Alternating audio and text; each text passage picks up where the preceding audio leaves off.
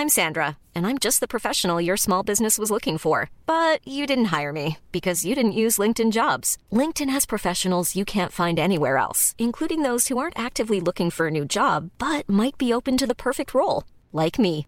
In a given month, over 70% of LinkedIn users don't visit other leading job sites. So if you're not looking on LinkedIn, you'll miss out on great candidates like Sandra. Start hiring professionals like a professional. Post your free job on linkedin.com/people today. One size fits all seems like a good idea for clothes until you try them on. Same goes for healthcare. That's why United Healthcare offers flexible, budget-friendly coverage for medical, vision, dental, and more. Learn more at uh1.com. Burrow's furniture is built for the way you live.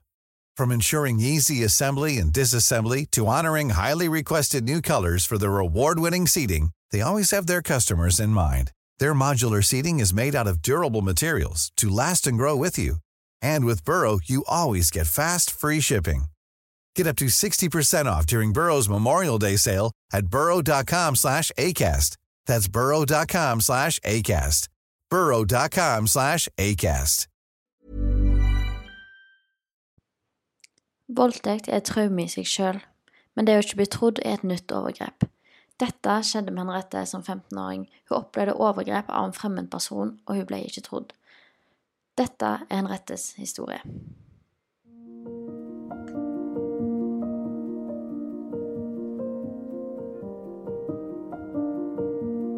Ja, jeg var 15, 15 år.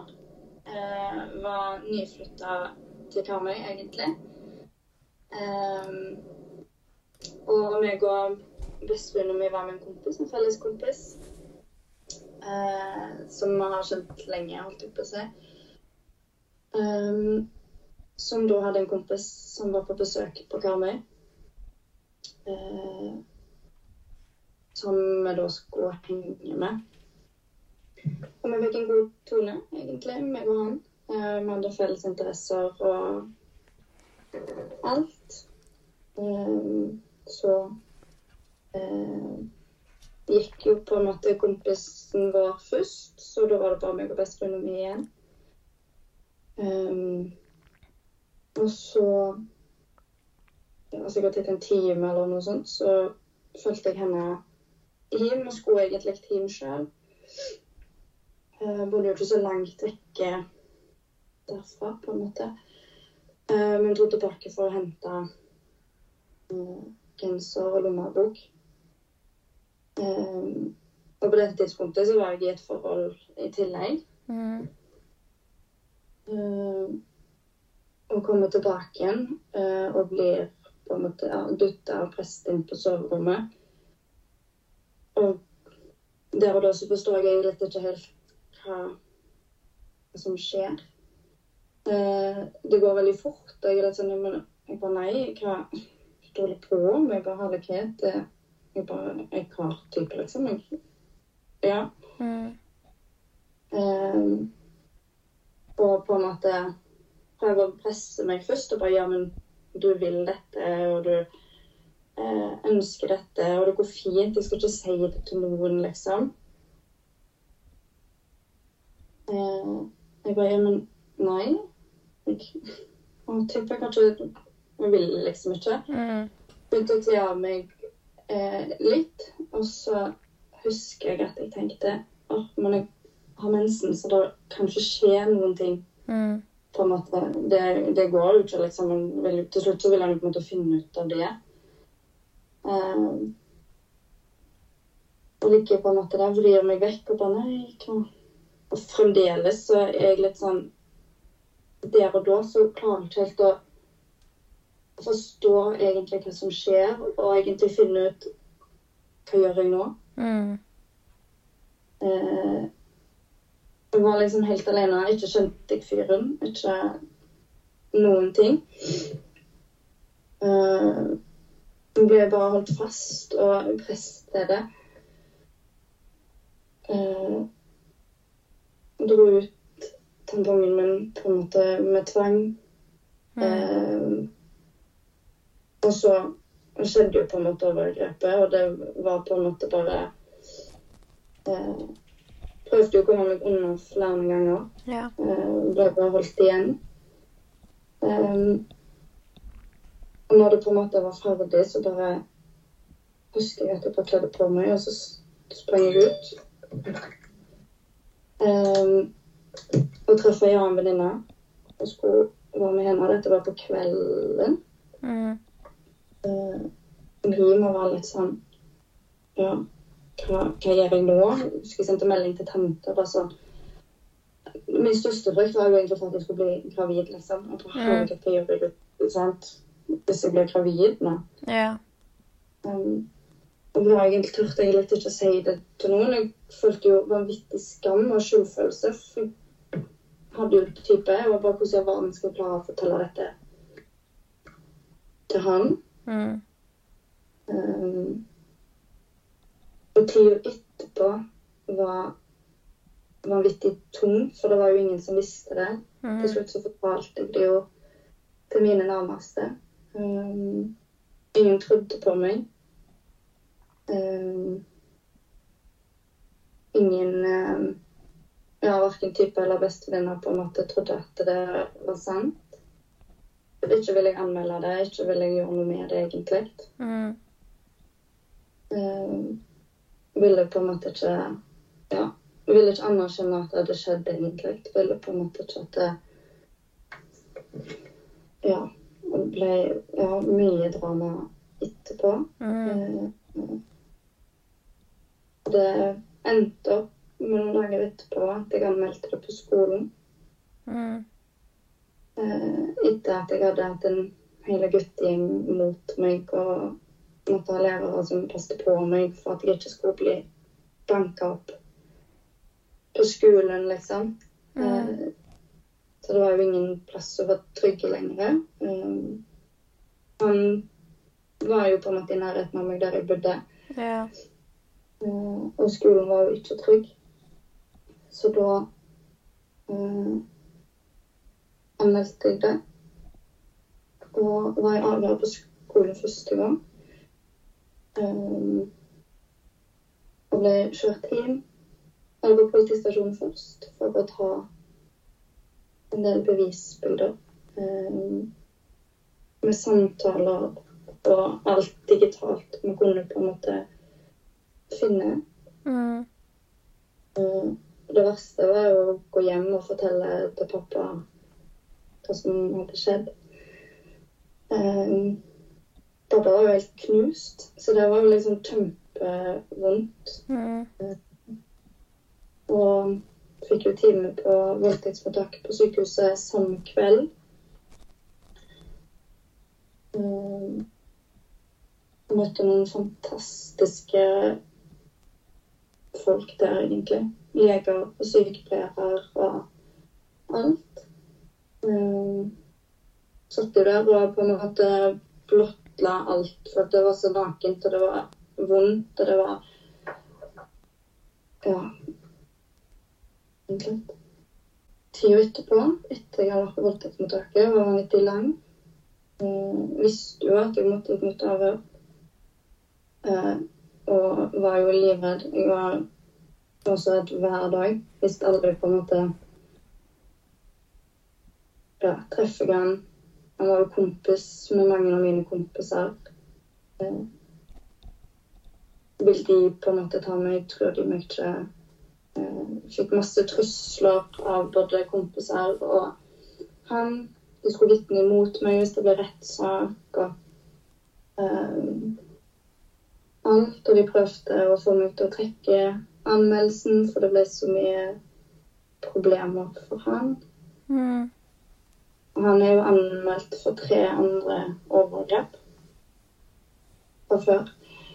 Um, så tida liksom etterpå var veldig usikker, veldig utrygg. Mm. Um, Det gikk en uke, tror jeg, etterpå etter jeg var på voldtektsmottaket til at jeg skulle i avhør. Um, på Barnas hus i Stavanger. Um, som òg ble en veldig vond og utrygg opplevelse. Um, ble liksom ikke hørt, ble ikke trodd. Um, han hadde jo snudd om historien helt. Jeg hadde overgrepet meg på han, på en måte. Mm. Det var hans historie. Uh, og de trodde egentlig mer på han enn meg. Uh, så jeg fikk litt sånn spørsmål der, ja, er sikker på at det skjedde? Kan du forklare, forklare i detalj hvorfor du ikke gjorde det, og hvorfor gjorde du det? Eh, hvorfor sa du ikke bare nei? Hvorfor bare gikk du ikke? Eh, og der og da så var jeg bare sånn Jeg vet ikke. Jeg var bare så lamma når jeg lå liksom der i senga og ikke visste verken hvor utgangen var eller noen ting. på en måte. At det falt meg aldri inn å liksom bare på på jeg klær og gå. Altså vil du, gå i, du vil jo gå i forsvarsmekanisme. Du vil jo bare De fleste vil jo spille død i en sånn situasjon. på en måte. Fryse til. Ja. Du blir litt sånn lamma. Du vet på en måte ikke hva du gjør. Det blir på en måte brukt litt mot deg da etterpå. Mm. Følte jeg satt jeg med følelsen Jeg var 15 år og satt liksom der og var egentlig livredd. Jeg ja, snakket med liksom folk jeg allerede snakket med før og måtte fortelle i detaljer hvordan et overgrep, hvordan overgrep hadde vært. liksom. Mm. Det var det jo ingen som visste. Um, jeg fant ut mange år etterpå at han hadde sittet og hørt på avhøret mitt mens jeg har vært der. Og det fikk jeg jo ikke beskjed om. Um, så han var jo på en måte til stede der òg. Um, og saken ble jo lagt frem som at det var jeg som hadde presset ham inn på soverommet, og jeg som var gira, og jeg som ville, liksom. Jeg hadde bare anmeldt ham for voldtekt fordi jeg hadde type ikke ville innrømme at jeg hadde vært utro.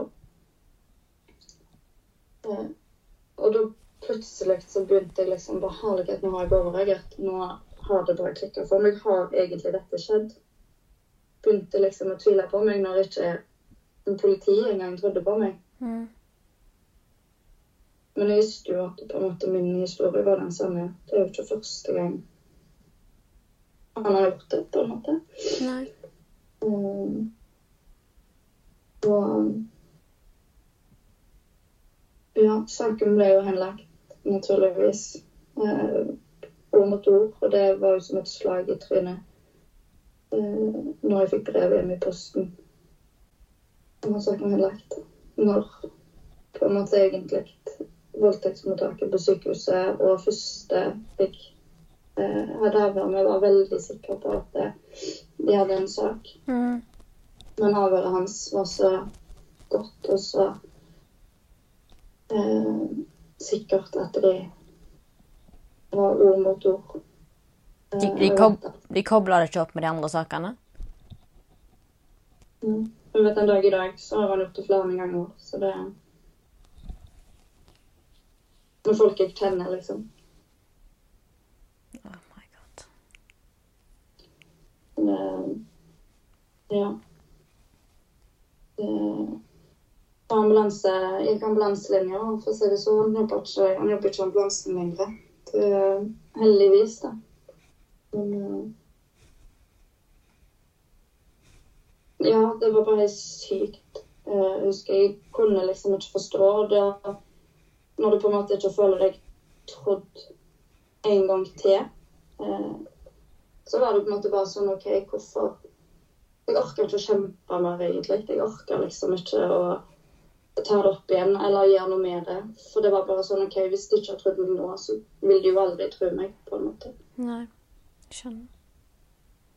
ikke på en måte Hadde jeg opplevd det igjen, så vet jeg ikke om jeg hadde anmeldt det igjen heller. Og så godt ble jeg ikke behandla, på en måte. For Plassen jeg ble behandla, var på voldtektsmottaket. Mm.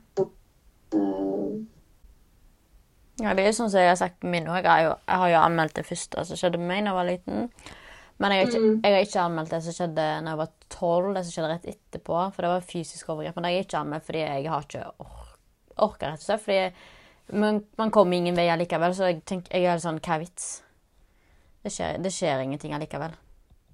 nei, det gjør det så ikke. Og det er så vondt. Det er jo det, det er på en måte Det er jo jeg som har hatt det vondt etterpå. Mm. Eh, min kropp var ikke min kropp lenger. Eh, jeg brydde meg ikke hva folk gjorde med min kropp, på en måte, for det hadde jeg allerede tatt fra meg. Mm.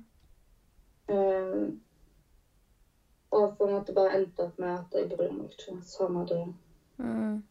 Altså, er sex så viktig, liksom? Nei, det er egentlig ikke det. Det er bare Mm. vondt er det, og ubetydelig er det, men det er jo egentlig ikke det. Mm. Så det er jo jeg som på en måte har jobba Vært den som måtte jobbe mot å på en måte fått et godt forhold til min kropp og eh, alt. Det var jo li altså, jeg gikk jo forbi huset hver gang jeg skulle på skolen. Mm. Fra himmelen, liksom. Jeg var livredd for at han skulle komme tilbake igjen. Sant? Eller så jeg blitt slått ned, liksom. Jeg, lærerne fulgte meg jo på skolen lenge fordi det var fare for at jeg skulle bli slått ned på skolen. Mm. Var han eldre enn deg? Ett år eldre. Ja. Han ja. Han gikk begge to, jeg gikk begge én. Så de eh, på den, Når du opplevde overgrepet, sånn som den kjæresten, sånn som du hadde, og de vennene um, Tenkte de annerledes om deg når du på en måte sa det som hadde skjedd? Vi har ikke snakket så mye om det, men jeg tror det. Mm. Eh, de ble jo veldig Eller bestevenninna mi kom vel en stund etterpå og liksom var på min side, på en måte. Mm. Eh, men det ble jo slutt med meg og typen, og han var jo på hans side lenge og prøvde liksom å overtale meg til å trekke anmeldelsen lenge. Uh, husker jeg satt på overgrepsmottaket og fikk meldinger, liksom. Mm. Eh, om at jeg måtte slutte å lage drama og må bare uh, Ja, slutte å tulle, liksom. Mm. Egentlig. Eh, så når du skulle fortelle det til faren din, var, var det du som gjorde det sjøl, eller var politiet med deg? Jeg hadde, en jeg hadde et sivilpoliti med meg inn. Eh, og hadde vel egentlig tenkt jeg skulle gjøre det sjøl, men jeg klarte ikke. Eh, så jeg var veldig heldig som hadde Ja, han jeg hadde hatt eh, avhør med, Mm. var med. Og han fortalte det til pappa. Eh, og fortalte liksom hva som skulle skje, og liksom Ja. Gangen i det, da. At jeg skulle slippe. Var jo med å samle klær og Mm. ja. Alt. Og den dag i dag så klarer jeg ikke den genseren han hadde på seg. Nei. Jeg skjønner det veldig godt. Som er genser mange år. Ehm, hvordan har det vært i etterkant, da, sånn etter det skjedde, og etter henleggelsen og Jeg blir litt sånn forsvarsmekanisme, for det var så mye annet som skjedde, at det ble ikke så viktig. mm. Eh, orker liksom ikke å deale med det, egentlig. Eh, jeg forandra meg nok mye med at jeg eh, begynte å Jeg gikk ut, jeg drakk, jeg fant meg venner som eh, var mye ute, som egentlig ikke var typisk meg. Mm. Um, fort gjort å ligge rundt på en måte. Jeg brydde meg ikke, rett og slett. Jeg ble bare sånn jeg gir blank akkurat nå, for nå, Mm. nå klarer jeg ikke mer. Um, og brukte mange år på å liksom komme tilbake igjen og få litt fotfeste igjen. Og kjenne på den at det går fint, det er ikke din feil. Mm. uh, var jo Gikk i behandling på BUP i to år. uh, og prøvde drømmeterapi en der, men jeg var ikke klar. Jeg klarte ikke å ta imot behandlingen uh, der og da. Um, Men det har jeg jo gjort nå Mm. på en måte. Og for på en måte bearbeide det. Så akkurat som jeg endelig, en alder av 23 år, har på en måte fått lagt det, vel, lagt det helt på is og liksom Det går fint. Jeg er ikke redd lenger på samme måte. Um, ja. Typen min kan endelig begynne å gå i genseren sin igjen, på en måte. Og Mm. um, ja. Det er liksom første gang på veldig, veldig mange år at det det går bra. Mm. Mm. Jeg klarte ikke å deale med det. Jeg klarte ikke å ta det inn over meg. Mm. Ja. Så var jeg veldig heldig som fant Forandringsfabrikken i den perioden. Eh, og traff mange andre ungdommer som hadde opplevd det samme. Eh, ja, lignende. Eh, var og snakket om det rundt om i Norge, holdt foredrag og hadde liksom et nettverk og følte en periode at jeg var ikke alene. Mm. Det var på en måte ikke bare meg. Eh, Etter to år. Men de to årene før det så var jeg jo bare sånn Det er jo altså Hvorfor meg? Og Mm. og jeg helt alene? Det bare forlatt liksom av hele systemet, egentlig. Ingen som bryr seg. Nei, det føles som ingen som gjør noe. At du bare Du blir forlatt litt til deg sjøl, og så må du på en måte bare Du må fikse det sjøl. Mm. Du må kjempe alle kamper helt sjøl. Du må kjempe for behandling sjøl. Du har ingen som gjør noe for deg. Og selv om det er ingen som tror deg, hvorfor skal jeg gidde å, å snakke om det? Mm. Jeg tror det var veldig vanskelig for pappa. Eh, Jeg var jo yngst. Eh, Så jeg tror pappa syntes det var veldig vanskelig. Det er jo ikke noe vi har snakket om, meg og pappa, der, men Mm. um, Å på en måte få den beskjeden og vite det.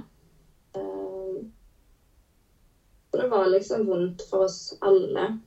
Eh, Og vi ble jo litt sånn forlatt alle sammen. Det var jo ingen som tok vare på pappa Nei. Selv om det kanskje ikke liksom var sånn stort, og det skjedde mye i selve overgrepet. Men så var det ingen som spurte pappa og de, hvordan det gikk med dem. Det må ha vært kjempevondt å få den beskjeden. Jeg kan tenke Og jeg husker sjøl òg når, at, eh, eh, når jeg anmeldte og satt i avhør, så ble jeg spurt eh, men hvorfor har du ikke anmeldt tidligere. Og det var en av de tingene jeg sa. Jeg vil ikke at mamma og de skal føle seg som dårlige foreldre, for det handler ikke om det. Og det er det jeg redd, f- var redd for at jeg skulle sitte med igjen. At jeg ikke har gjort en bra nok jobb da som foreldre. Og det, og det tror jeg det er mange foreldre som sitter igjen med der f.eks. barna deres har opplevd overgrep, at de føler de har gjort noe galt. da. Og det er jo veldig viktig å på en måte ta hånd om de pårørende som er rundt henne, for det, det vil jo være en effekt på dem i tillegg til offeret. Mm. Det, og på en måte Jeg er yngst og jente, og Mm. selvfølgelig det har jo ikke noe å si det, liksom, men jeg bare tenker sjøl Hvis jeg hadde fått vite at ungen min hadde opplevd noe så vondt, og du egentlig aldri får spørsmål om hvordan det går med deg, Mm. trenger du noe? Når vi var på Barnas Hus i Stavanger, sant? vi fikk liksom bare et brev om at her må dere møte opp Mm. eh, da og da. Fikk jo ikke lov å ha med meg noen inn. Satt jo helt alene med en advokat jeg aldri hadde møtt før. Eh, med dømmende blikk, på en måte. Mm. Eh, sant? Bare den der 'hvorfor går, gikk du ikke'? Eh, klarte du ikke å finne en vei ut eh, på vei til soverommet? Eh, men hvorfor gikk du til bars? Sant? Etter jeg hadde fulgt venninna mi, så gikk jeg til bars. Jeg kunne jo bare gått hjem. Men jeg visste jo ikke at han overgrepet hadde jo ikke skjedd ennå. Nei. Hvordan kunne jeg vite at det skulle skje, på en måte? Og satt liksom og bare, bare helt alene. Jeg kunne vel egentlig ønsket å hatt noen med meg Mm. for tryggheten sin del. Eh, Og det var jo det samme i avhøret. Jeg var heldig, da, så hadde jeg kvinnelige politi. Mm. Men det var jo likt. Det var jo liksom bare dømmende øyne og de samme spørsmål, tvilende spørsmålene. Det var aldri en forståelse for at du Ja. Du blir helt lamma. Du bare fries i en sånn situasjon.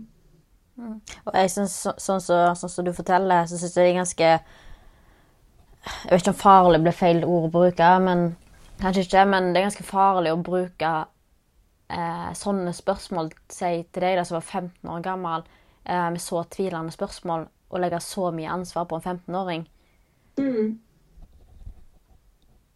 Det gjør ganske mye med noen sitt hode når du er 15 år. Ja. Det Det var Ja. når jeg tenker tilbake på det, for der og da så klarer du liksom ikke helt å eh, skjønne det, forstå det og se det litt sånn utenfra. Men når jeg tenker tilbake på det nå, så er det sånn Det er jo helt sykt. Mm. At, er, at jeg på en måte aldri klarte liksom å gi beskjed til de rundt meg måten hvordan hvordan det var. Mm. Eh, og jeg husker en gang jeg var med Fannesfabrikken, og da var vi på Barnas Hus i Stavanger. hvor jeg hadde på eh, avhør og holdt foredrag. Og jeg bare knakk, og jeg klarte liksom ikke helt å forstå hvorfor. Men så kjente jeg jo bare at det var så utrygt, og det var så ubehagelig. For måten jeg ble behandla, har liksom bare gjort sånn Altså, jeg, tanken på å gå i et avhør hvis jeg skal være oppi noe, bare gjør meg Det gjør så vondt. For da, altså, ingen som meg sist.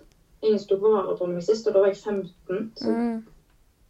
sånn, hvorfor skal jeg stole på de, at de skal ta vare på meg nå, når jeg er blitt voksen, på en måte? Eh, og da å få vite at advokater og han sjøl sitter og tar video av avhøret mens jeg sitter og har avhør. Helt sykt. Og at han har lest av, første avhøret mitt. Leste det før han hadde et avhør sjøl.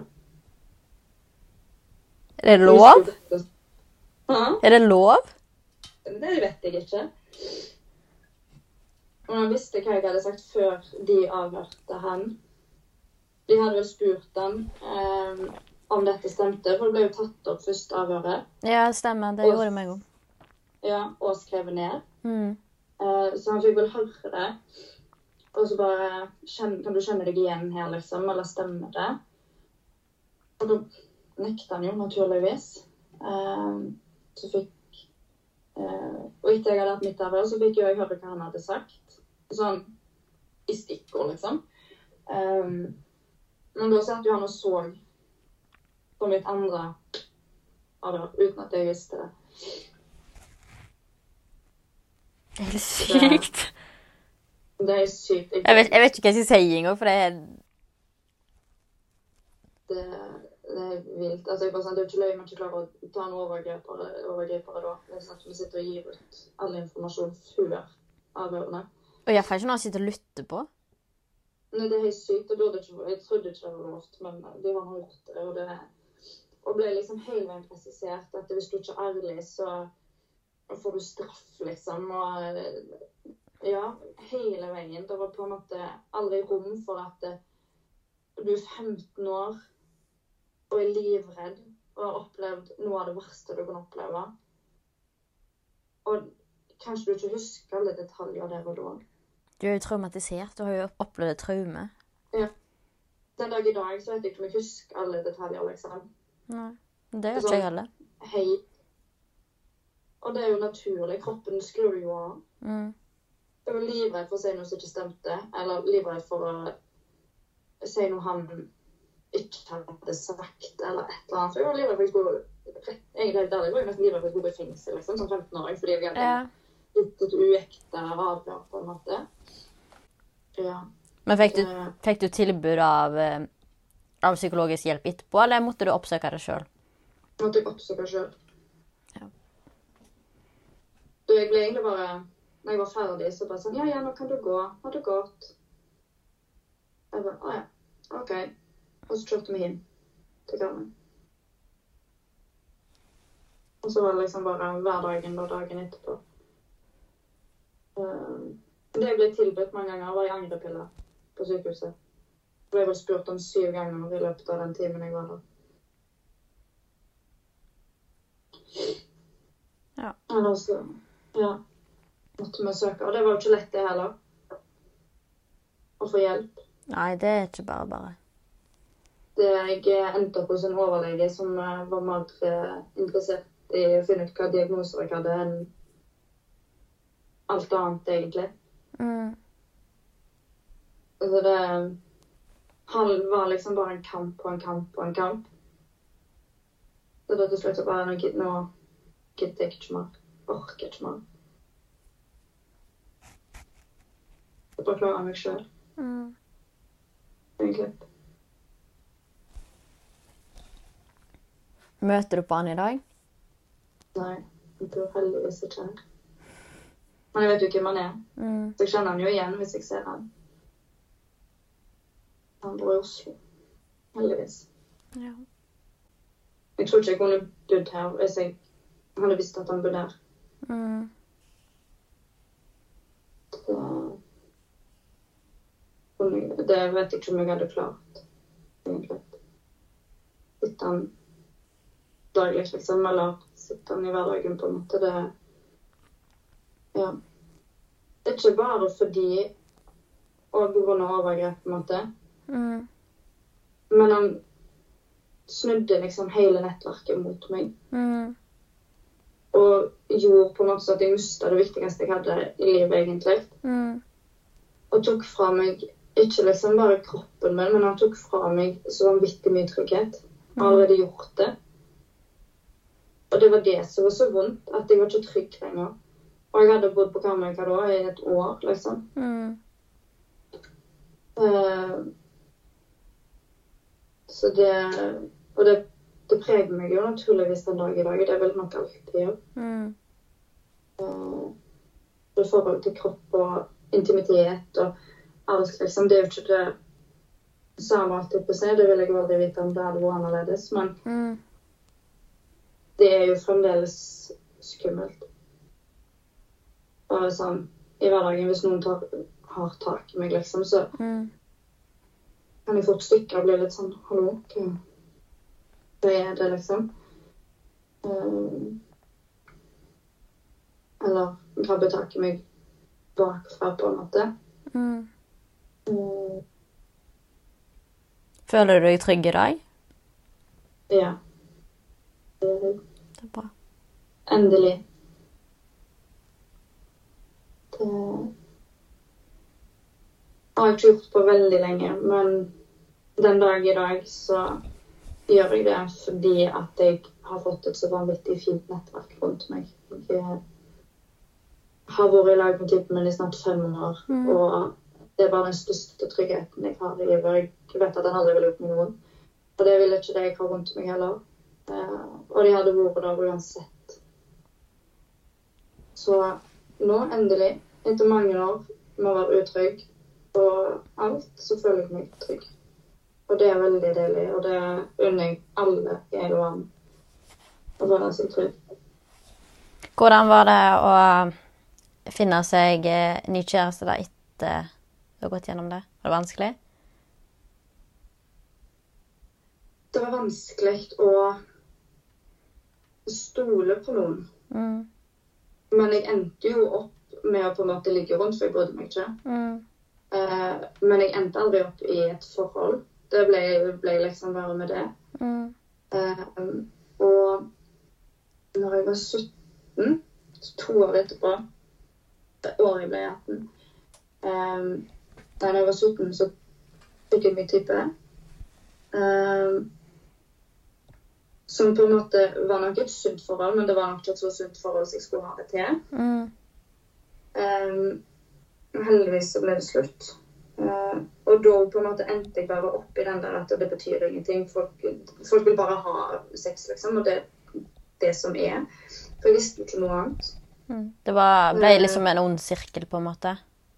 Ja. Eh, helt til jeg ble 18 eh, og kjente at nå vil jeg ikke mer. Mm. Nå vil jeg ikke Jeg vil ikke at folk skal se meg naken lenger. Jeg vil ikke at det, Da plutselig så snudde det. Eh, jeg vil ikke vise kroppen. Jeg ble litt sånn «Å, Nei, jeg har ikke lyst. Ikke På en måte. Og da var det vanskelig å finne For da måtte jeg plutselig bli kjent med noen på en helt annen måte. Og måtte liksom faktisk stole på noen igjen, da. Mm. Og liksom gi mye av meg sjøl. Så det var ganske vanskelig helt til jeg traff Benjamin nå. Mm. Og da var det ganske enkelt. Og det var bare trygt og godt, og det var liksom ja. Men de årene før var vanskelige. Jeg tror jeg er den dag, Jeg er ikke noe stolt av det på en måte den dag i dag. Men Nei. Men jeg sånn eh, tror du at det kan bunne litt i at du følte på denne skyldfølelsen og skammen, at du på en måte vil eh, rettferdiggjøre den følelsen du kjenner på, denne av skyld og skam? Fordi jeg kjenner meg jo sjøl igjen. Jeg har jo gjort masse ting som jeg angrer på i dag, som jeg aldri hadde gjort hvis det ikke hadde skjedd med meg som liten. Fordi at det på en måte er en, det er en handling av det som på en måte har skjedd deg, fordi at du blir sånn Det betyr ingenting, folk vil bare ha det. sant? Altså, Sex betyr ingenting, og du kan ikke stole på noen. Du blir nesten bare som et objekt. Ja. Og det bare, det bare ble sånn. Jeg bare Ja, brydde meg ikke. Det var ikke viktig. Um, Og så husker, ja. og, og, eh, og så husker jeg at jeg kjente veldig mye på den at jeg selv om at jeg ikke tenkte det var viktig, og jeg på en måte ikke brydde meg og ga faen alt det der greiene der, så var det litt noe med den der bekreftelsen nå, at det, du søker den, men du får den aldri. Du vil på en måte bare vite at du er viktig. mm. Jeg fikk jo på en måte akkurat så eh, Plutselig så følte jeg at jeg fikk en oppmerksomhet som ikke hadde vært der før. Mm. Eh, og følte meg kanskje litt viktig, og det var kjekt, og det var spennende. Og, sant, alt. Du er liksom Mm. Altså, du er så full i hormoner fra før. Mm. Eh, og jeg ble veldig søkende. Eh, som jeg egentlig aldri har vært før. Jeg har egentlig alltid vært eh, pliktoppfyllende jente som gjorde sjelden noe galt. Mm. Eh, og endte opp plutselig med å bare være med eldre gutter. Og, altså fantastiske gutter, egentlig. Fantastiske venner som jeg hadde. Men de ble på en måte bare eldre og eldre, da. Mm. Uh, men jeg fikk liksom bare bekreftelse på at uh, du er god nok, Mm. egentlig. Uh, du er god nok til å ligge med, på en måte. Det var jo egentlig litt så. Um,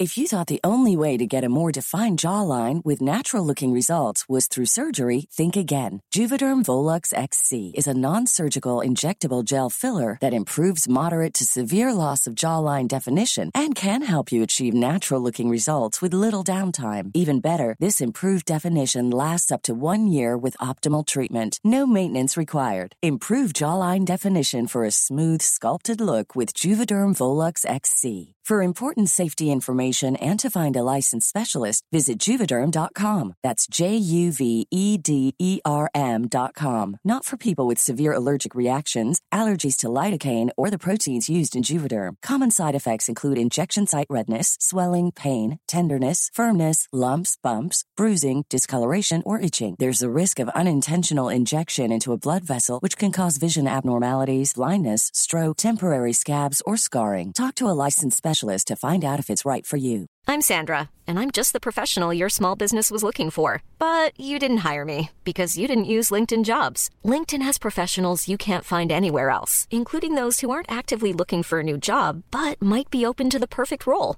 like me.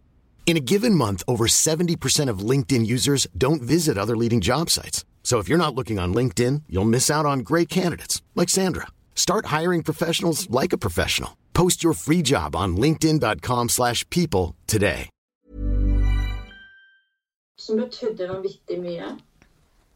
Eh, så når jeg begynte i lære, så akkurat som jeg på en måte Jeg var nødt til å ta litt ansvar. Jeg var nødt til å bli litt voksen. Og da snudde det litt. Mm. Og da var jeg egentlig bare nødt til Jeg kunne liksom, jeg kunne ikke holde på så lenge. Og da ble jeg litt sånn herregud, jeg kan ikke ja, jeg kan ikke styrke på med dette lenger. Mm. Eh, litt, eh, Nå må jeg bli voksen og ta ansvar. Men da ble det bare enda vanskeligere. Ja. Mm. Um, hvordan påvirker det deg psykisk i hverdagen etter de, de første månedene eh, kjente jeg nok mest. Jeg var veldig redd. Eh, og skamma meg og følte meg ekkel og alt. Um, og så følte jeg meg vanvittig liten. Uh, I tillegg så hadde jeg veldig mye annet mm. på privaten psykisk, så det toppa det liksom bare. Um, de første månedene så var jeg mye alene og var litt sånn Jeg var nok veldig fraværende. Um, redde for kvelden, var ute på natta. Um, var mye inne og ble nok på en måte et helt annet menneske enn det jeg var. Hovedsakelig var jeg egentlig bare redd. Mm. Livredd for å treffe på han. Uh, livredd for gjengen hans, på en måte. Um, og følte at jeg ikke betydde noe for en som trodde på meg. Jeg husker en periode hvor så var det lite familie som trodde på meg. Mm. Det var bare litt sånn åh, Ja, men trenger ikke å lage så mye styr, Henriette, liksom. Mm. Det var litt den. Eh, så vanskelig. Satt mye med ting alene og følelser alene. Og ville liksom ikke dele det med noen, for ingen trodde på meg likevel. Eh, så ble det nok litt på en måte over Alt annet tok litt større plass enn akkurat det. Eh, av andre ting.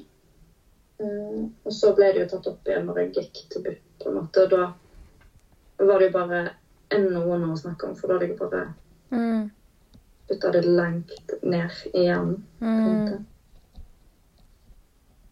Så det har nok påvirka meg mye mer enn jeg trodde. Eh, og påvirka meg mye til at jeg har vært mye redd. Mye skamfull, skamfull og Mm. aldri vært glad i meg sjøl. Mm. Ja, det vil jo ligge i underbysten. Kropp, kroppen vet jo godt hva som har skjedd. Selv om du kan, nødvendigvis ikke tenker på det, så vil jo kroppen Mm. kjenne igjen de følelsene. Eller hvis at noen sier tar på deg på samme måte, eller hva annet, så vil jo kroppen din huske det. Mm. Og det kunne jeg jo merke. At jeg plutselig liksom bare kunne fryse litt til og eh, sånn. Hvis noe lignende skjedde, holdt jeg på å si. sant? Eh, lukter og liksom Ja. Og så blir det på en måte aldri fortalt heller at dette vil skje. Dette Mm. kan skje. Mm. Sant? Du kan få flashback. Du kan kjenne på at hvis du eh, hører navnet, noen med samme navn eh, For min del så var det jo samme genser. Mm. Um, alle ting. At det, det påvirker deg. Så når det skjedde, så ble jeg jo bare enda mer redd. Og visste ikke hvor jeg skulle gå. Hvem Mm. snakker jeg med? Hvem kan jeg fortelle dette det uten at det høres helt sykt ut? Mm. Jeg gikk jo forbi huset nesten daglig. Og kjente på det. Sant? Kjente bare på den følelsen, den angstfølelsen, den livreddheten og utryggheten. Men jeg, jeg kunne ikke fortelle, altså, jeg kunne ikke fortelle dette til? Vennene mine. De må jo det har klikka for meg. Mm. Pappa Nei, han har nok med sitt. Sant? Mm. Altså Ja. Og jeg forteller deg at det er helt normalt. Det er kroppen som gir beskjed. Det er kroppen som passer på deg. Mm. Og så er er det på en måte ingen som passer på deg sånn i systemet. Ingen som på en måte følger deg opp, eller Nei. Du betyr Du blir liksom bare et nummer, mm. på en måte. Du blir et saksnummer. For å sette det litt på spissen. Det er en som bryr seg. Altså, henleggelsespapiret var det jo ikke jeg som fikk engang. Nei. Det var min mor som fikk, som ikke visste noe om dette. Mm. Så jeg fikk det på Messenger av henne. Fikk bilde av henne. Ja. Av henne, liksom. Av brevet. Eh, så det er liksom det er ingen som gidder å bry seg. Det er sikkert veldig mange i systemet som bryr seg, men de traff ikke jeg på, for å si det sånn. Nei, det var sånn som jeg sa, når jeg fikk eh, Når jeg fikk mitt brev når jeg fikk henlagt, så hadde jeg vært nettopp på jobb, så hadde pappa hentet meg på jobb. For jeg klarte ikke å bestå oppkjøringen pga. at jeg hele tida fikk en mannlig sensor, så jeg klarte ikke å bestå, for jeg fikk panikkanfall på panikkanfall på panikk. Eh, så jeg måtte jo bli kjørt alt og fram, og han hadde med seg dette brevet, og jeg åpna det og måtte bite tennene sammen, fordi jeg, jeg klarte ikke å grine mer. Jeg var så jævla lei av å grine. Og så begynte jeg jo bare å le, da, for hva, hva skal du gjøre, da? altså, du vet, ikke, hva skal jeg gjøre, liksom. Uh, altså, du, du føler deg jo bare som et et nummer i statistikken av enda en henlagt sak, på en måte. For det kom jo ikke Ja. som noe sjokk. Nei. Og jeg var jo ikke sjokka, jeg heller, på en måte. Men allikevel så har du på en måte Jeg har satt på en måte med litt tro. Hadde gjerne et håp. Men så kjente jeg jo på frykten for at det skulle bli anmeldt da, og gå videre. Mm. Har ikke treffa på fyren igjen da, sitte i en rettssak og snakke om det Mm. til mange andre. Så jeg kjente nok egentlig litt på en sånn lettelse. Nå slipper jeg å gå gjennom det på nytt. Mm. Men òg litt sånn Å ja. Det var, var det sant, da? Jeg, altså, det ble litt sånn Har jeg drømt det? Har det skjedd? Tror det ikke på meg. Og i hvert fall når jeg visste For han jeg husker han fortalte til meg òg, liksom. At han hadde blitt eh, anmeldt eh, to-tre ganger før for overgrep. Og fyren var jo koselig. Han jobba jo i helse. Mm. Så jeg tenkte jo ikke noe over det eller noen ting. Tenkte bare herlige stakkars fyr. Liksom. Han var jo så omsorgsfull og alt jobba med eldre og eh, alt, på en måte. Tenker jo Du klarer ikke å forstå det. Jeg bare syns det er helt, helt sykt. For så mye sår jeg hadde med han til så burde Hadde jo DNA-bevis, liksom. Mm. Hadde meldinger. Altså, jeg hadde Egentlig så hadde jeg alle bevis på at det hadde skjedd. Mm. Hadde du vitner siden Nei. Nei. Det er det eneste. Vi var vilt alene. Men jeg hadde DNA-bevis. DNA-bevis burde jo holde i seg sjøl, da. Ja. Og de kunne jo på en måte bekrefte på overgrepsmottaket på sykehuset at det hadde blitt begått et overgrep. Eh, For frivill- frivillig samleie gir ikke på en måte de sår og de tegnene de finner. Mm. Og det skrev de jo i rapporten, og det eh, som politiet fikk DNA-bevis, meldinger, der han nesten trygla bare om at jeg ikke skulle anmelde det. Mm. Men ord mot ord var liksom mye viktigere da, enn alt annet. Ganske sykt, for jeg har eh, Dette er tredje gangen jeg spiller inn podkast i dag, og hun første hun hadde DNA-bevis, det ble henlagt. Eh, hun andre hun er i prosessen med anmeldelse, da, eh, for det skjedde for tre uker siden. Men hun har DNA-bevis og videoovervåkning. Jeg syns det er sykt. Så det er, jo- det er noe som ikke fungerer helt i systemene. altfor lett. Det Ja. Jeg forstår så godt at folk ikke ønsker å anmelde det. Det er jo litt sånn, For din del òg, du orker ikke anmelde andre gang. Jeg hadde, hadde ikke orka anmeldt deg heller, hadde det skjedd en gang til. Orka gå gjennom alt det en gang til og så få et brev i posten om at det er henlagt. Det gidder jeg ikke. Det, det har jeg ikke helsa til, liksom. Nei. Og jeg syns det, det er ganske sinnssykt at, eh, at politiet kan bare sende et brev. Altså, De burde heller bare ringe eller, eller få deg inn på et møte der de kan faktisk fortelle deg til person til person og gå gjennom det med deg. Og faktisk møte deg litt som et menneske, og at du har følelser, og det handler om helse og psykisk helse og Altså Det handler om noe så intimt og så privat. Og det har ikke vært mer enn et brev. Ja. Og når du er unge, og liksom, sant du var ti år gammel, liksom. Mm. Altså, det betyr ingenting. Jeg var 15, da var det overgrep på mindreårige. Mm. Eh, sant? Du er 15 år, og du Nesten så vet du ikke forskjell på fram og bak på dine truser, liksom. Mm. Du er så ung, egentlig. Å bli møtt på en måte på den måten Du blir egentlig møtt som en voksen. Mm. Eh, og du skal liksom ta ansvar for egne handlinger og alt på en måte som ikke er grei. Sant? Hele veien annet hvis du ikke sier Det er viktig at du forteller sannheten. Mm. Altså, sånn, tror dere jeg sitter og lyver om at jeg har opplevd et overgrep? Altså, Mm. Det er jo helt det sykt. Altså, jeg har gått gjennom alt dette der bare fordi det var løye, liksom. Jeg gjør jo ikke det. Nei. Jeg sitter ikke her og griner fordi at jeg har lyst. Jeg kunne heller fint vært hjemme i dag, liksom. Mm. Jeg syns det er helt sykt og eh, vanvittig vondt at eh, Jeg syns egentlig det er ganske vondt at jeg ikke er den eneste. Mm. Det er jo altså, det er bare, altså, det er bare trist. Altså, det er jo bare trist at vi faktisk må sitte der og lage en podkast om det og snakke om det, liksom. Det er jo bare trist Mm. og tragisk, egentlig. Vi burde jo ikke det, Altså Vi burde slippe. Det er liksom, det er trist, men så er det godt å vite at jeg er ikke alene heller. Mm. på en måte. Eh, men det er, jo, det er jo trist å kjenne på at det er godt å ikke være alene på en så vond ting. Mm. Og når man alle på en måte opplever det å ikke føle seg imøtekommen, ikke bli trodd, egentlig. Det er jo egentlig du blir jo egentlig ikke trodd når saken behandler. Mm. Gidder ikke å ta det videre, for hva er vitsen, liksom? Eller ikke gidder å etterforske det. Ja.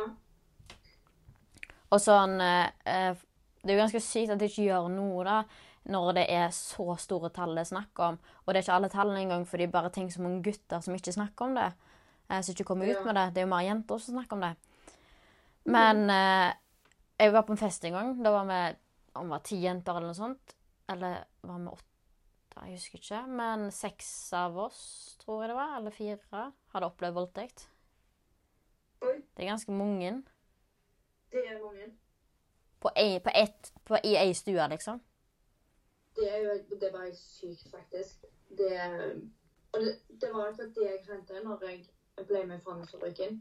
Eh, det, at jeg fikk på en måte et samfunn Jeg fikk eh, folk rundt meg og relasjoner som kjente seg igjen. Mm. Og det var jo bare helt sykt. Jeg husker jeg bare herlighet er med så mange Mm. Som har opplevd det, om ikke på samme måte eller sånne ting. Så likevel.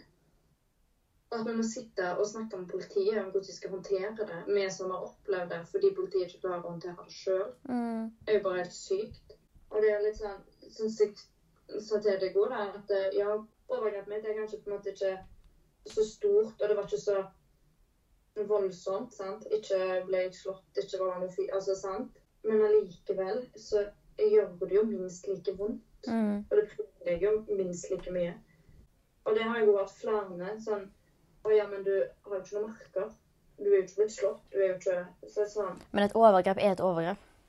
Ja, det er sånn «soul», Det er Og- ikke det det handler om. Og de fleste overgrep er ikke de overgrepene der du måte blir slått, du er bindt fast, og du blir eh, skambanka og blir bevisstløs og alt sånt. Så det, det er jo de færreste som opplever det. Mhm. Men et voldtekt er jo sex uten samtykke. Det er en ganske enkel definisjon. Ja, det er det. Og på en måte denne, Hvorfor sa du ikke bare nei? Og da lurer jeg på Altså Det lå jeg på. Hvor mange klarer i en sånn situasjon å liksom bare stoppe det og bare Nei, dette vil jeg ikke. Mm. For jeg klarte ikke det. Jeg frøy, altså sant, Jeg ble bare helt sånn Ja. manisk nesten. Så han snudde meg bare og skudde. Sant? Du blir det er bare sånn kaos. Du klarer ikke å finne ordene. Men jeg tenker sånn, hvis politiet tenker da, seg sjøl som 15-åring og sitter der og er blotta naken og har en fyr over deg, hva hadde du gjort sjøl i situasjonen da? Hvis du er livredd og du tør ikke og du vet ikke hva som vil skje hvis du sier nei. altså herregud. Du har så vidt lært om sex på skolen, liksom. Ja.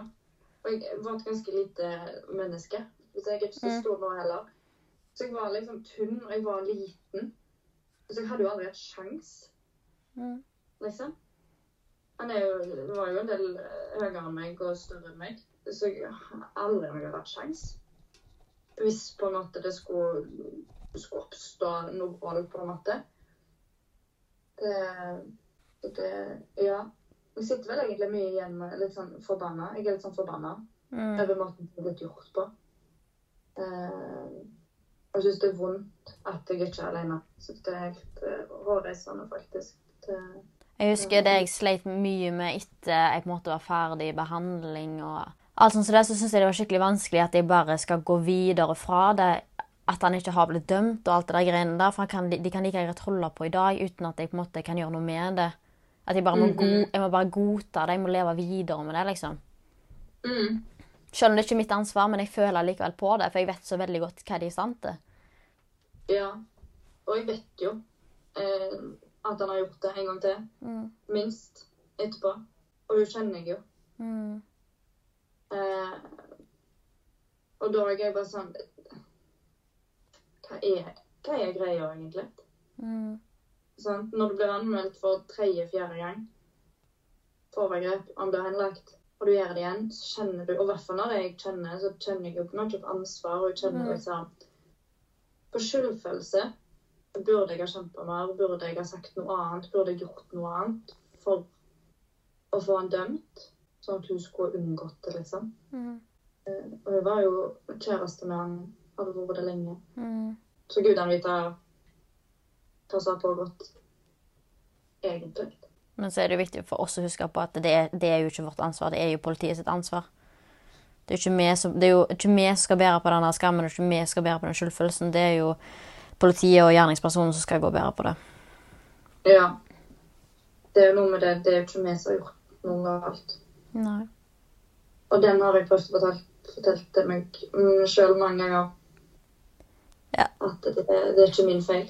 Det, selv om de prøvde å snu det på den måten. Det er sånn Ja, jeg gikk til bars. Jeg gjorde det. Jeg kunne unngått hvis jeg hadde gått til bars, men da måtte jeg jo gå til bars dagen etterpå. Uansett. Mm. Jeg hadde jo mine egne eiendeler der borte. Uh, og det er på en måte Og du hadde aldri visst at det skulle skjedd. Du kan ikke spå framtiden. Kanskje ikke. Så det, den kjenner jeg at det, Den tror jeg jo på nå, da. Men det gjorde jeg jo ikke Mm. i begynnelsen. Uh, og jeg kjente jo på mye på det å bli kalt utro og liksom Mm. alt. For det var jo det som gikk rundt på skolen. Ja. Det var utro og Den var helt jævlig å stå i. det mista alle rundt meg. Ble kalt sosiopat og narsissist og ja, jeg vet ikke hva ikke jeg ble kalt, liksom. Mm. Det det Jeg håper de menneskene skammer seg nå inn i helsiken i dag. Bare for å si det. Heldigvis så ble vi jo, når alt roa seg, så ble vi jo venner igjen. Eh, og det var jo på en måte de menneskene jeg hadde nærmest meg. Eh, men jeg tror det ble på en måte så manipulert av han òg. Mm. Eh, for han sendte så mye meldinger. Mm. For vi hadde så mye felles venner.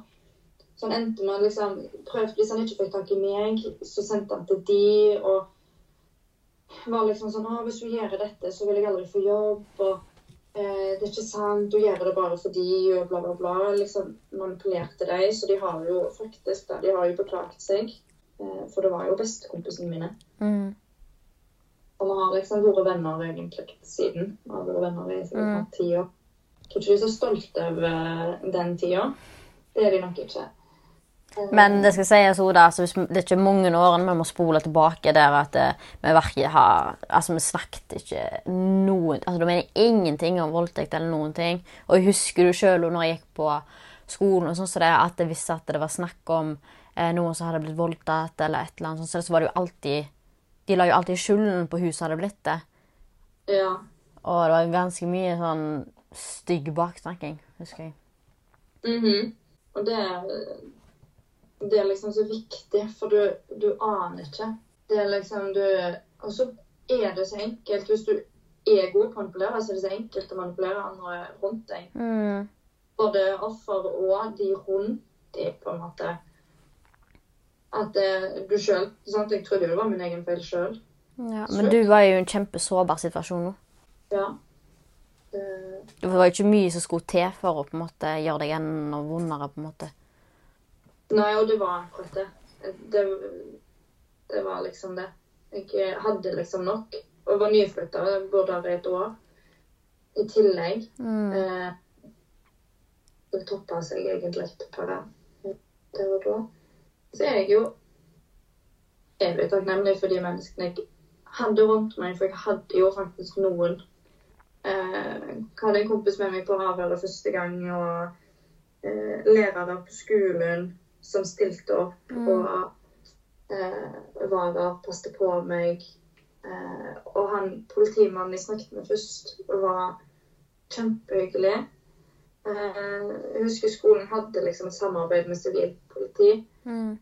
eh, direkte, liksom. Og han var eh, tok liksom skikkelig godt vare på meg. Og da ble jeg spurt om jeg ville sitte alene eller ha noe med meg. Mm. Eh, Men når du var i avhør første gang, fikk du på en måte litt forhåpninger om at sakene faktisk skulle gå videre? For det husker jeg at de ga meg. De ga meg skikkelig forhåpninger om at det, dette blir en sak, og bla, bla. Og jeg bare sånn Yes. Det var skikkelig sånn. Så da ble egentlig skuffelsen helt jævlig. Enda verre. Ja, for han var jo litt sånn Ja, men dette lover godt, liksom. Og alt. Og mens jeg satt i avhør, så fikk jeg jo masse meldinger sant? Av kompiser som skulle vitne mot meg og skulle fortelle hvor sjuk jeg var. Altså, sant? Mm. Og det viste jeg jo med en gang. Og han bare sånn Herlighet. Hvis de tror de skal få komme på rettssaken, så har de misforstått, liksom. Og jeg var liksom superkoselig. Fikk ha med meg det jeg ville. Um, og følte meg så godt ivaretatt. Uh, og så lytta til, og så hørt, og så trodd, egentlig. Og det var jo han som var med med hjem. Mm. Det var politistasjonen først. Eh, og da var han liksom sånn Hele veien går det fint. Er du sikker på at du klarer mer? Mhm. Um, jeg ble jo spurt vil du fortelle, skal jeg fortelle, skal jeg være med inn, eller skal jeg bare kjøre deg hjem? Jeg bare nei, du kan få være med hjem og alt, liksom. Så jeg hadde jo store forhåpninger. Og i hvert fall når du på en måte en time og to etterpå er på sykehuset og blir fortalt at det her er det ikke en tvil engang. Mm. Når gynekologer og sykepleiere og leger, altså you name it, bare her er det ikke tvil. Vil du ha angrepille? Um, så blir du jo sånn Og dette ordner seg jo. Mm. Og dette kommer til å gå bra. Og så møter du den skuffelsen når du skal i det skikkelige avhøret, på en måte. Mm. Altså, tenker du at vi bor i Norge, og at det, det skal være trygt, og vi har et bra rettssystem, og at uh, alt dette her fordi vi bor i Norge? Men det stemmer jo ikke. Nei. Det gjør ikke det. Det er jo helt elendig. Det er jo, altså, bare det at han har sittet og hørt på meg, må jo på en måte være det største avviket i hele saken. Sånn egentlig. Så sånn, for du blir jo filma.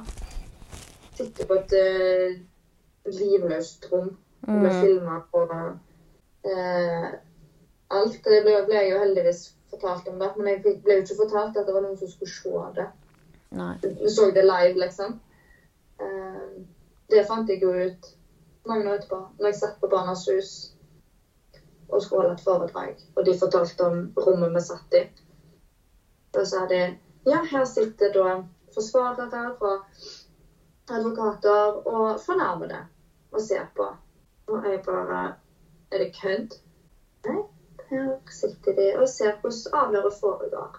Og da mista jeg det faktisk. Da satt jeg bare og grein, og jeg hylgrein inne på det rommet. Og visste ikke hva jeg skulle gjøre av meg. Og da følte, jeg, da følte jeg meg så ekkel og så skamfull der jeg har sittet og snakket så detaljert. Det er veldig dårlig ivaretatt Altså, de, da har de ivaretatt offeret ganske dårlig, syns jeg. Ja, de har ivaretatt tatt han vanvittig godt, da. Mm. Egentlig. Han har jo fått vite absolutt alt, og jeg har fått vite ingenting. Mm. Det ble litt, sånn, det ble litt feil. Det er nesten som de har snudd om på rollen, nesten. Ja, det var jo det han hadde gjort sjøl. Snudd på rollene. Jeg var jo overgriperen når han var offeret, liksom. Mente han. Det er helt hårreisende. Det Det skremmer meg faktisk. Det, at det er vanlig. Det er ganske enkelt å manipulere det systemet vårt. Helt sykt. Og bare tenk på de som eh, bare Jeg bare tenker sånn som for din del, å være så ung. Mm. Og det betyr altså, ja, som sagt, det betyr ikke noe, liksom, hvor ung du er, tydeligvis. Nei. Det er liksom et, det er jo et lite barn. Og det er ikke viktig nok. Ja, Jeg husker når at jeg anmeldte, for jeg anmeldte da jeg var 18. Eh, da hadde jeg fortrengt det ganske i åtte år. Eh, og når at jeg på en måte eh, Når det ble henlagt, og, og da hadde jeg helt sykt mye skyldfølelse, fordi jeg angra sånn på at jeg på en måte har fortrengt det så lenge og gått så lenge da, at jeg ikke bare sa noe når jeg var ti, men jeg hadde jo ikke språk for det. Jeg visste jo ikke hva voldtekt var. Det, noen Nei. ting. Jeg visste jo ikke at det eksisterte voldtekter engang. Jeg visste ikke Jeg visste så vidt hva sex var når du kommer så mange år etterpå, og det eneste jeg har, er på en måte digitale spor og alt dette greiene her, så føler du litt håpløs, fordi hvordan i alle dager skal du bevise deg sjøl, da? At det er sant? Sånn, Det burde vært godt nok at det, du kommer og forteller at det har skjedd. Så burde det vært nok til å gjort noe, i hvert fall. Ja. på en måte. Det Ja. Og så lurer jeg litt på sånn Ja, hvis jeg hadde kommet der som tiåring, da hadde det skjedd noe, da? Det hadde jo ikke det. Nei. Altså Det høres sikkert sykt ut, men jeg tror jo ikke det. For da er det sånn Ja, er du sikker på det? For som barn så er du ikke troverdig. Nei. De mener at eh, unger er ikke troverdige vitner, liksom. Jeg ikke lest en gang om et barn som, et lite barn som hadde opplevd overgrep. Og der var det jo fysiske bevis. Men barnet hadde ikke språk, så det ble henlagt. For hun kunne ikke fortelle det sjøl. Det er helt sykt.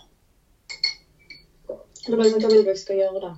Altså, det er altfor lett å gjøre et overgrep på folk og komme seg videre med det. Ja. Og mest sannsynlig så holder gjerningspersonene mine på i dag, og de er mest sannsynlig pedofile. Mest sannsynlig. Det er Og det er jo Har de gjort det én gang, så gjør de det mest sannsynlig en gang til. Og når eh, mamma de var anmeldte det, så sa de til mamma deg at han hørtes ut som han var profesjonell. Ja, sant. Men allikevel så får man holde på i Norges stat. Det er så sykt. Og det syke er jo at det er vi som sitter, sitter igjen med det. De bryr seg jo ikke. Det gir jo blanke faen. Han flytta jo bare. Altså, han flytta bare til og starta et nytt liv. Mens jeg hadde jo ikke muligheten til det. Nei. Sånn, jeg ble jo trua på skolen og alt, liksom. Han flytta, han bare. Ok. Eh, Men så vet jeg jo at han har fortalt om det til mange. Mm. I Oslo, sånn så Hun jeg kjenner, da, hun er fra Oslo. Hun visste jo om det. Hun visste ikke at det var meg, men hun visste om saken. Eh, og den har han jo lagt fram sånn som han la fram i avhøret. Så det er jo mange, sikkert mange som jeg ikke vet hvem er, som vet eh, vet om det. Og jeg vet ikke om han går rundt og kaller sikkert offer, eller hva han gjør, jeg, men eh, ja, historien er ganske lik, sånn som jeg hørte det på avhøret. Mm. Og det var jo noen år etterpå. Tre år etterpå, liksom. Det er nok en, det er nok en uh, historie han har fortalt seg sjøl så mange ganger oppi hodet sitt at han tror på det sjøl. Mhm. Hva tror du eh, Hvor tror du eh, endringen må skje der for at det skal bli lettere for andre i framtida, eller Ja, du skjønner, skjønner sikkert hva jeg mener. Ja.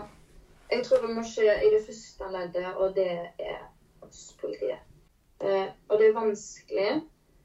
Eh, jeg tror dette er nok det vi kommer til å slite mest med. Mm. Om ikke bare voldtekt, men også vold. Mm. Eh, fysisk og psykisk vold og overgrep, liksom. Det å anmelde og få en sak på det, eh, tror jeg må skje hos de som tar imot anmeldelsen. Mm. Fordi det nytter, jeg tror ikke det er nytt å begynne hos liksom advokater og eh, dommer. Altså liksom Nei. loven. Jeg tror det nytter ikke å begynne i loven. Nei, for de skal jo få den samtykkeloven plass, men jeg skjønner ikke hva den skal gjøre. fordi at det, det, Å få det nei er nei, hva i alle dager skal det gjøre? Det blir fortsatt ord mot ord. De må jo starte hos politiet, de må jo få mer midler til etterforskning og faktisk kunne etterforske sakene skikkelig. Og kunnskap. Ja, og bare hvordan i alle dager skal du holde et avhør med en som har, nettopp blitt utsatt for voldtekt, eller har blitt utsatt? Er det en person som sitter der med masse traumer, eh, har dårlig psykisk helse, har PTSD mest sannsynlig, eh, har, du kan sitte og trigge personen under avhøret, hvordan fører du dette avhøret? Og det er jo på en måte Jeg tenker bare noen en, sånne enkle ting å spørre. Eh, Liksom Spør om det er greit at det er mannlig. Mm, Bare en så liten ting. Eller er det Vil du helst ha en kvinnelig? sant? mm, Og er det ikke kvinnelig på jobb, så ring til noen, da. Mm. Det å på en måte lære seg de små tingene, den kunnskapen eh, om på en måte disse tingene. For du aner ikke hva personen du skal avhøre, har opplevd mm, mm. før og i det overgrepet. Så det er liksom bare sånn Jeg er sånn alltid når jeg skal til gynekologen, så nekter jeg hvis jeg får mannlige. Mm. Ja, det hadde ikke skjedd om noen Altså, jeg kan sitte, når jeg, Hver gang jeg skal til kontrollen, sitter jeg bare og gruer meg. Jeg sitter og skjelver, liksom. Eh, må holde meg skikkelig for ikke å få et angstanfall. Jeg er livredd for at det skal være mannlige. Og da sier jeg bare det går ikke. Det nytter ikke. Det. Det skjer ikke, liksom. Eh, og, da tenk, og det er litt sånn på samme måte. Det er til hensyn. mm. De tar hensyn der. Hvorfor de tar hensyn på politiet òg. Og kommunikasjon. Hvordan du, ja, som du sier, hvordan skal du snakke til folk, da? Prøver å ha forståelse Mm. uten å gi håp. Sant? Uten Mm. falskt håp. Men litt sånn Jeg hører hva du sier, jeg forstår at det er vondt. Eh, Mm. Og syns det er fint at du gir beskjed. Eh, og det er godt at du er her, og vi passer på deg. Og liksom, sant? Alle disse tingene som du har så vanvittig behov for der og da. Mm. Og så tror jeg det hadde vært lurt å hatt at eh, enten mens du er under etterforskning eller avhør, eller etterpå, at du har så og så mange timer som er obligatorisk at du må gå til f.eks. Eh, psykolog eller et eller annet sånt. Mm. Bare for å bearbeide det du nettopp har vært gjennom. Og for tilbudet. Ja. Liksom, jeg sånn Jeg vil aldri være redd for å være på tilbudssida. Mm. Eh, Men det og- burde være en selvfølge. Ja, jeg, ja, det er akkurat det. Eh, og jeg tror politiet har bare så lite kunnskap om det. Eh, jeg tror ikke det er noe de lærer om så mye på skolen, på en måte. Eh, som òg gjør at det blir dårlig etterforskning, og det blir litt sånn Gjerne litt sånn holdningen at det, åh, enda en, Mm. liksom. Eh, nå må de slutte, eller holdt jeg på å si. sånn. Mm. Men det blir, ikke mindre, det blir ikke mindre overgrep med mindre de ikke tar de som overgriper seg. Nei, det er akkurat det. Det er jo ikke første sant? Altså, Er det hvis det er første gang en blir anmeldt, på en måte, så vil det ikke bli den siste heller. Nei. Sant? Og det er jo egentlig det samme. Hvis ikke det er første gang han, Sånn som for min del, som anmeldt tre ganger. Mm. Han fortsetter jo bare. Ja. Han får jo ingen Det er ikke sånn at han slutter. slutta. Altså, Han får jo ingen konsekvenser, så hvorfor skal han stoppe? Nei, det er jo- den blir ikke tatt. Altså, da, det, sånn er det jo med på en måte alle kriminelle, holdt jeg på å si. De fortsetter jo bare. til Ja. de blir tatt. De bryr seg ikke.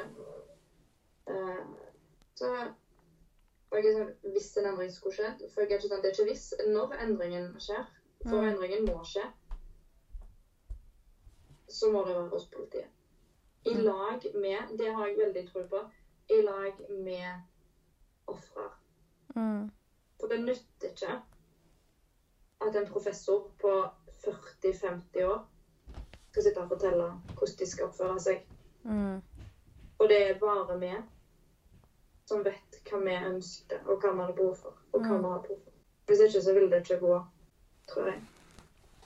Nei. Eller med pårørende. Sant? Bare en sånn ting.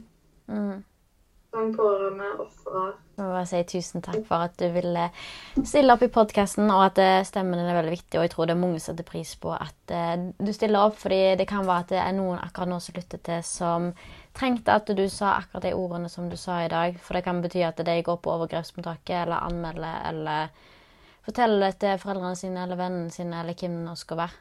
Så er det Mhm. veldig viktig at vi snakker om det, sånn at det ikke blir tabu lenger. Og i like måte. Det er sykt viktig det du gjør, Therese. Takk. Det er eh, vanvittig viktig. Jeg tror det vil være noe av det viktigste du gjør i livet. Det er dette å dele det. Fordi jeg hadde faktisk aldri gjort dette hadde det ikke vært for at du har gjort det før meg. For å si det sånn. Og det er så sykt viktig å kjenne Å gi noen et fellesskap, på en måte. Å gi noen, om ikke håp, men at det går fint. Mm. Det er jævlig her og nå, men det vil gå bra. Det, Ja, det har blitt uh, hjertesaken min. ja, det er sykt viktig. Jeg elsker det. Jeg skulle ønske jeg hadde klart å dele mye mer sjøl, men det sitter så langt inne å gjøre. Når man først begynner, så, så blir det enklere for hver eneste gang man gjør det.